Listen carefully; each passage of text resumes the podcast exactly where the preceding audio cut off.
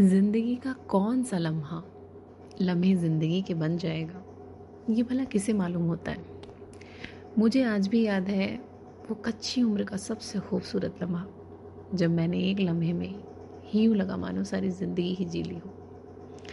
पढ़ने में कुशाग्र होने के कारण मुझे अगली कक्षा में प्रोन्नति मिल गई थी, मैं और मेरी एक सहपाठी, जो पढ़ने में मेरी ही तरह काफ़ी तेज़ थी।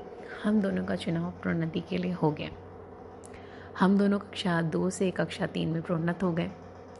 अगले दिन हमने नई कक्षा में प्रवेश लिया। नई कक्षा में जाने के कारण हम दोनों चुपचाप आगे खाली सीट पर बैठ गए।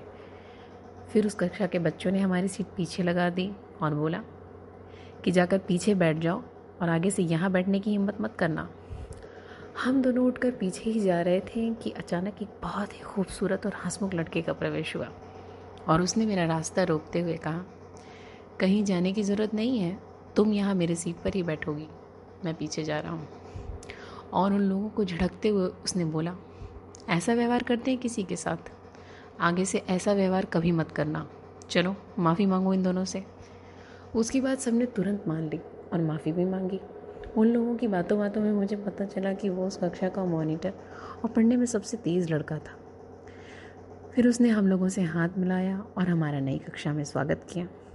मैं उस तीसरी कक्षा में पढ़ने वाले लड़के की समझ और संस्कार से बहुत प्रभावित हुई।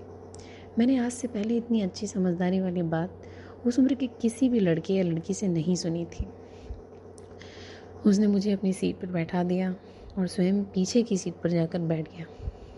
वो मुझे देखकर मुस्कुराता रहा और मैं पहली बार में ही उसे अपना दिल दे बैठी। विद्यालय से आने के बाद मैं दिन भर उसकी विनम्रता, समझ और संस्कार के बारे में सोचती रही।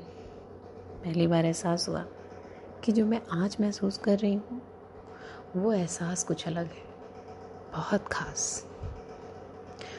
वो सूरत से ही नहीं, सीरत से भी एक बहुत खूबसूरत इंसान था, बेहद खूबसूरत। उस छोटी सी उम्र में मुझे पहली बार अपने दिल धड़कने का एहसास हुआ। वो एहसास मेरे जीवन का सबसे खूबसूरत एहसास था, सबसे खूबसूरत। और वो लम्हा मेरी ज़िंदगी में हमेशा के लिए लम्हे ज़िंदगी के बन गया। मेरी इस कहानी को सुनने के लिए आप सबका बहुत बहुत धन्यवाद।